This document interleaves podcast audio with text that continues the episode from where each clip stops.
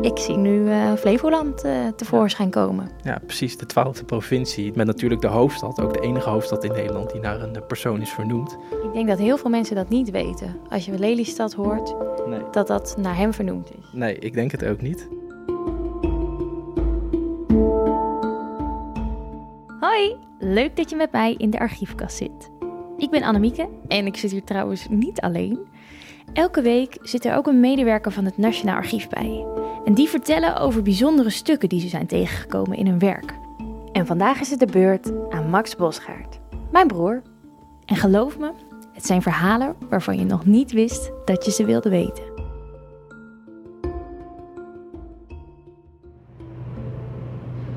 We rijden nu op de afsluitdijk, want uh, daar wilde jij graag uh, afspreken. Waar gaan we het uh, over hebben? We gaan het vandaag hebben over Cornelis Lely en de Zuiderzeewet.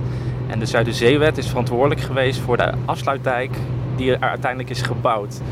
En we rijden nu langzaam naar het standbeeld van Lely, want daar wil ik je graag wat meer vertellen over deze persoon. Ik denk dat heel veel mensen ook niet weten wie Cornelis Lely was. en dat hij eigenlijk het brein is achter deze afsluitdijk waar we nu op rijden laten we de auto maar eens parkeren en eens gaan kijken.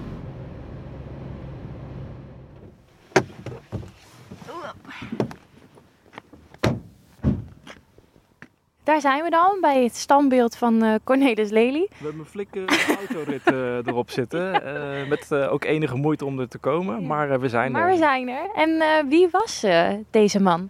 Nou, Cornelis Lely was sowieso een ingenieur. Dat gaat sowieso onze bol een beetje te boven, denk ik. Wij zijn niet zo technisch. uh, maar we gaan het wel over hem hebben. Hij was minister van Waterstaat. Dat is even het belangrijkste wat we moeten vermelden. En hij heeft ervoor gezorgd dat deze meterslange, of kilometerslange afsluitdijk er uiteindelijk is gekomen. En daar heeft hij best wel veel geduld voor moeten hebben. Uh, ja, wat dan? Uh, Lely is eigenlijk al heel lang betrokken bij dit plan, al vanaf 1880. En pas in 1918 is het plan wat hij al had, is door de, de Eerste en Tweede Kamer gekomen. Dus ja, dan moet je wel een beetje geduld hebben. Ja, nou een beetje, heel veel. En hij staat hier dus heel imposant. En hij staat met zijn rug dan naar de zee. Hè? En dan, dan kijkt hij dus eigenlijk over zijn eigen werk heen. Ja, precies. Hij staat met zijn rug naar de Waddenzee. En dan kijkt hij eigenlijk richting het IJsselmeer. En wat was nou de visie van Cornelis Lely? Wat wilde hij bereiken?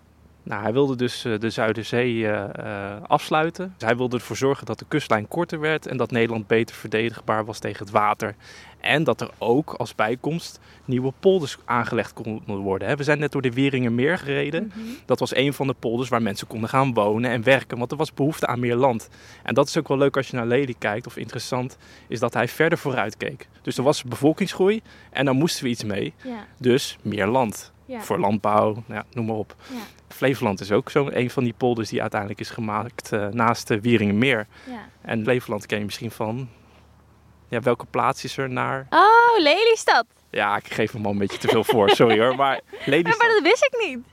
Nee, ik denk dat heel veel mensen het niet weten. Maar uh, Lelystad is natuurlijk uh, heel bijzonder. Dat is naar Lely vernoemd. We gaan nu weer in de auto en even de warmte opzoeken en dan richting het archief? Ja, ja zeker.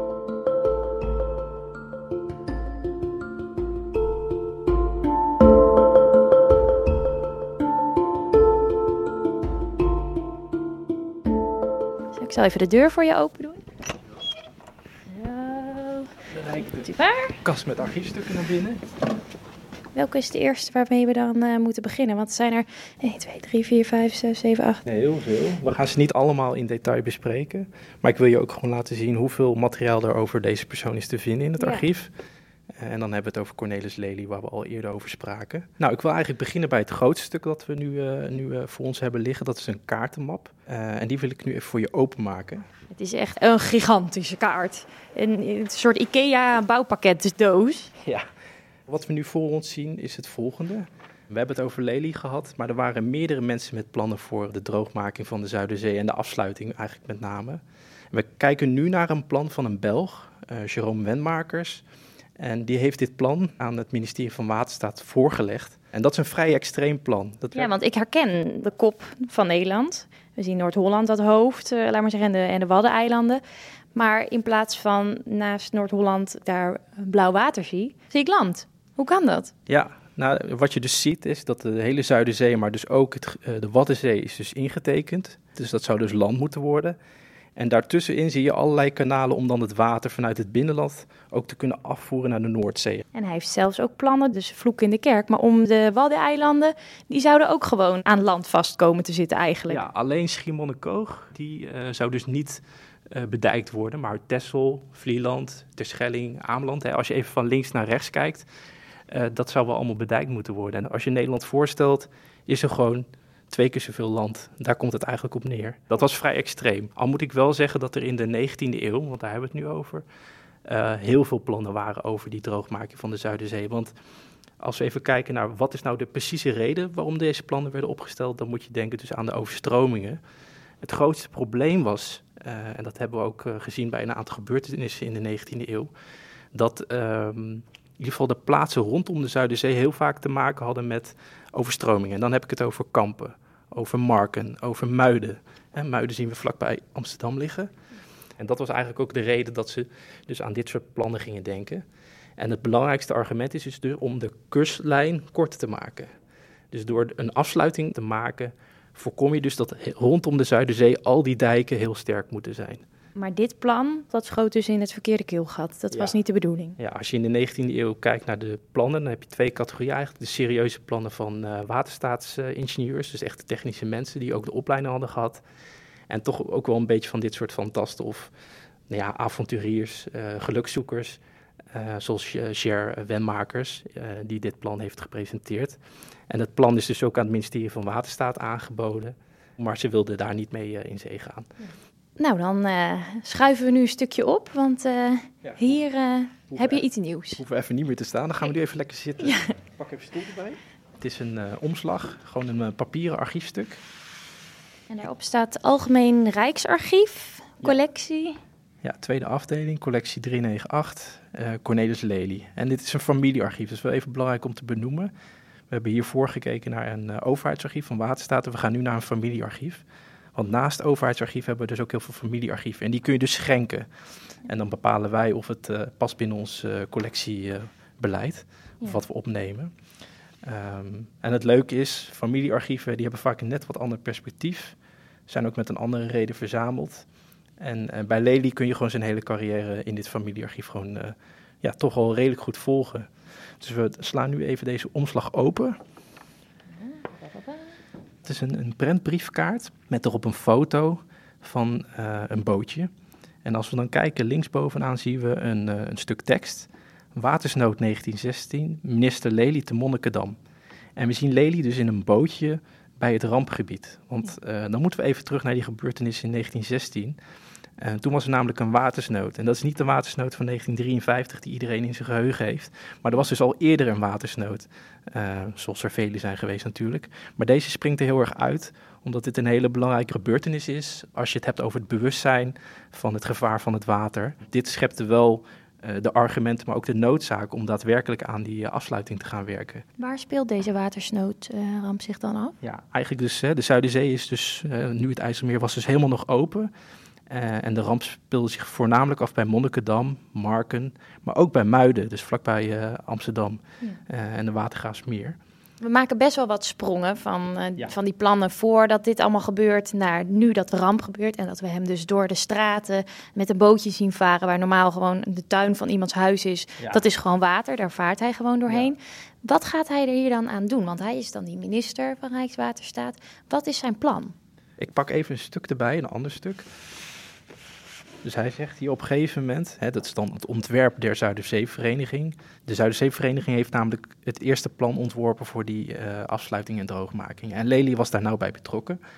Eh, en hij zegt hier op een gegeven moment, eh, de meest zeewaartse afsluiting, welke voor onmiddellijke uitvoering met het oog op de kosten, tijd en risico uit een praktisch oogpunt kon worden aanbevolen, was dus een afsluiting van Noord-Holland over Wieringen naar Friesland, ongeveer bij Piaam.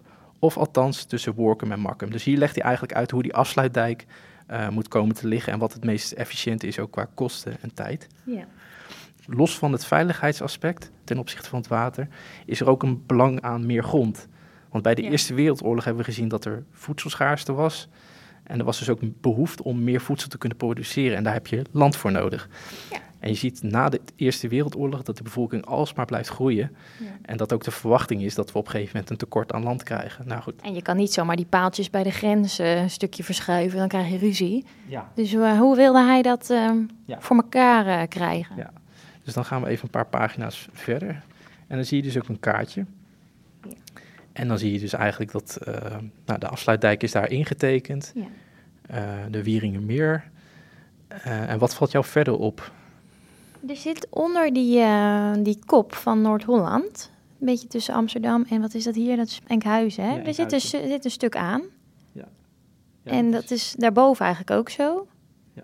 En ik zie natuurlijk nu eh, Flevoland eh, tevoorschijn komen. Ja, precies. De twaalfde provincie, die, die dus ook vernoemd is naar eh Lely. We hebben er net het plan bekeken, hè, dus wat Lely zelf had opgesteld met alle voor- en nadelen. En we gaan nu kijken naar de wet. We hebben dus deze hele stapel voor ons met allerlei eh, stukken die over wetten gaan. Die zijn goedgekeurd. 14 juni 1918 moeten we zijn.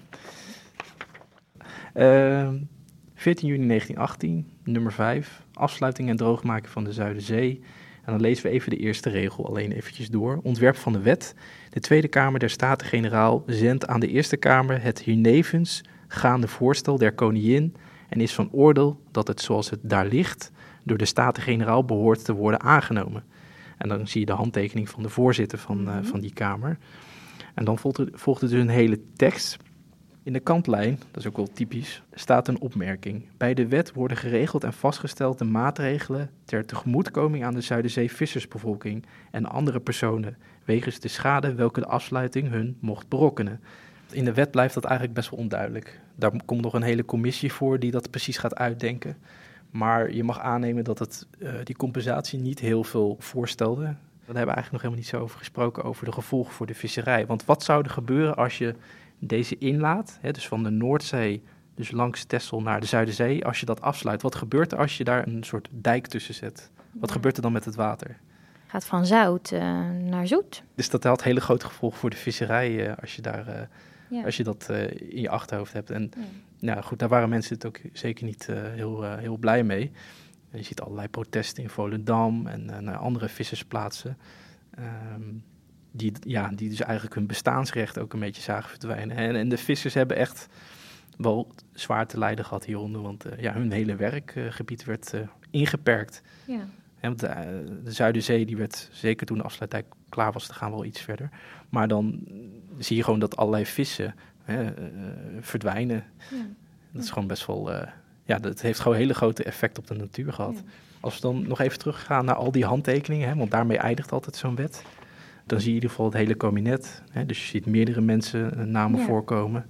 Dit is de handtekening, denk ik, van eh, Ja. Wilhelmina. Die is niet te missen. Dat is een enorme kronkel. ja, dat is wel echt heel bijzonder. Zo dicht kan je dus eigenlijk bij een persoon komen. Dat vind ik ook wel wat wel bijzonder. Hè? Ik bedoel, het is echt bewust door meerdere mensen ondertekend.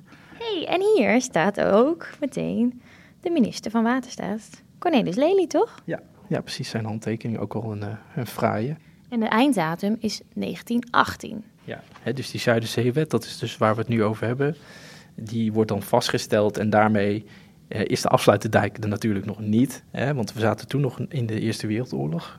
In juni was de Eerste Wereldoorlog nog niet klaar. En dat zie je ook heel duidelijk terug in de handelingen. Dan zeggen ze ook van, hè, we kunnen op dit moment er niet meer verder, want er is oorlog.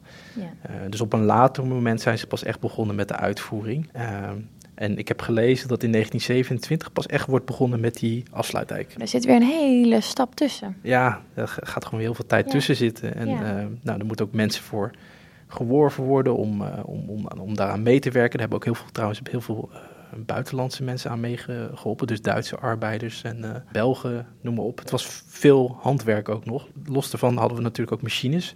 Dus grote kranen om, dus, om die dijk te kunnen Ja. krijgen. Eh, maar dat moest echt stukje bij beetje. En ja, als het 32 kilometer is, dan, eh, dan ben je dus ook wel eventjes bezig. Ja.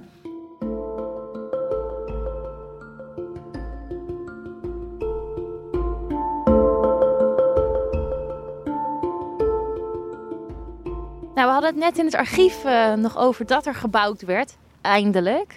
En ehm, nu zijn we weer op de afsluitdijk. Hoe ging die opening er dan aan toe? Ja, er zijn wel uh, krantenberichten ook over verschenen hoe dat ging. Dus uh, nu heb ik de nieuwe Rotterdamse Courant voor me van zondag 29 mei 1932, dus een dag na de opening. Voorpagina nieuws? Ja, de voltooiing van den afsluitdijk van de Zuiderzee. Hè, de Vlietergedicht, en dat is eigenlijk het belangrijkste punt. Dat was het laatste gat wat nog gedicht moest worden, was ongeveer 50 meter breed.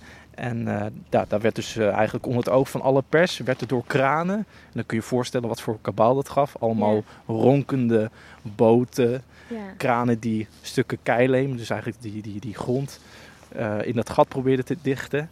En dan is het dus eigenlijk het moment dat mensen dus ook er overheen kunnen. Ah, en daar zijn ook foto's van. Oh, heel leuk. Om te laten zien. Ja, want dat is wel bizar. Natuurlijk, wij rijden er nu zo overheen. Maar dat is natuurlijk, toen was het voor het eerst dat je naar de overkant kon. Ja, nou ja, zoals je kunt zien, hè, die kranen die, oh, ja. die, die, die uh, dichten dan het laatste gat. Daar zie je dus ook allemaal mensen bij staan. Ja, andere bootjes.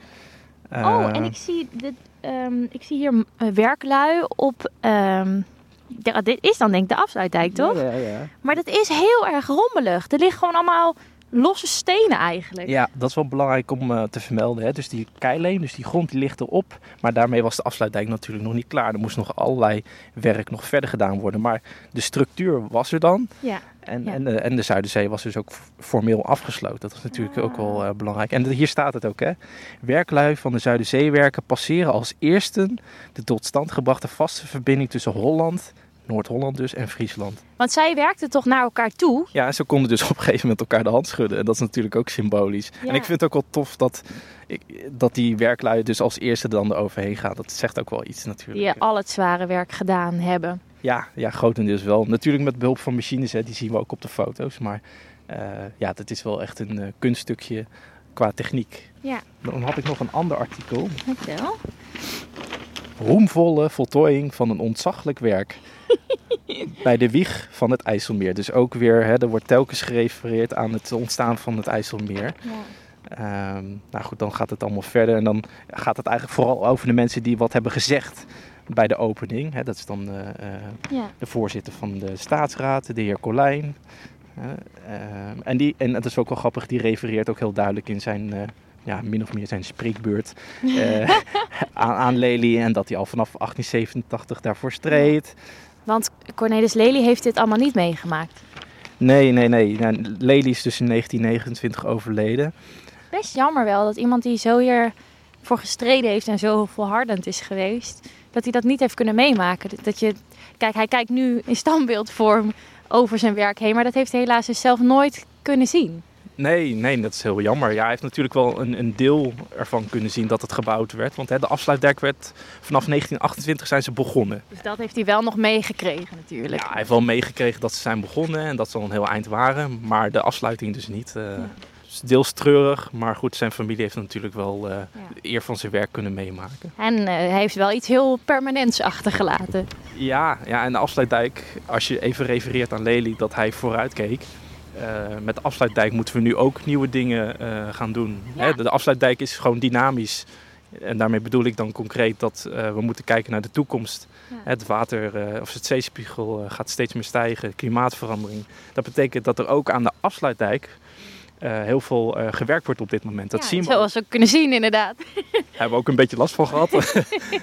maar je ziet bijvoorbeeld, hè, we, we staan nu bij Den Oever en we zien de Stevinsluizen. Dat zijn die afwateringssluizen waar al dat water vanuit het IJsselmeer afgewaterd kan worden naar de Waddenzee. Maar we zien allerlei werkzaamheden, dus het wordt opgehoogd, versterkt, om de afsluitdijk ook toekomstbestendig te houden. Ja. En het geeft ook wel de constante strijd tegen het water weer. Ja, ja en ook gewoon toch wel een deel van de visie van Lely, dat je dus verder moet, uh, verder vooruit moet kijken. En dat probeert Rijkswaterstaat natuurlijk ook wel uh, te doen. Ik heb heel erg genoten van dit verhaal en ik vond het heel leuk om om deze man te leren kennen. Maar waarom um, is het voor jou zo belangrijk dat dit bewaard wordt? Nou, ik denk twee dingen vooral. Hè. Het doorzettingsvermogen waar we het al eerder over hadden gehad. Meer nadenken over lange termijn politiek. Dat vind ik zelf een hele belangrijke. Dus dat je verder vooruit kijkt. En dat je ook ergens voor strijdt. Nou, bij Lely, ik bedoel, je kunt er verslagen erop naslaan. Hij was echt heel, uh, heel uh, nauw betrokken bij dit plan. En hij wilde ook echt iets van maken. Kan je ook een parallel uh, trekken met, met het nu? Ja, in de huidige tijd zie je toch meer korte termijn beleid. We proberen wel lange termijn beleid te maken, maar dat lukt niet altijd. Hè, door wisselende kabinetten. als ik heel eerlijk ben, heeft Lely daar ook wel veel last van gehad. Maar hij heeft dan wel de wil gehad om, om of het doorzettingsvermogen gehad om dit voor te zetten. Ja. en dat vind ik ook wel mooi, want Lely was denk ik ook wel iemand van die verder keek in de toekomst. Van hè, dit hebben we nodig, want Nederland heeft meer grond nodig, maar ook ter verdediging. En die gedachte moeten we echt vasthouden om, uh, om ook verder te kijken met de toekomst van de afsluitdijk en de bescherming uh, van Nederland. Ja, water is toch onze grootste vijand, denk ik.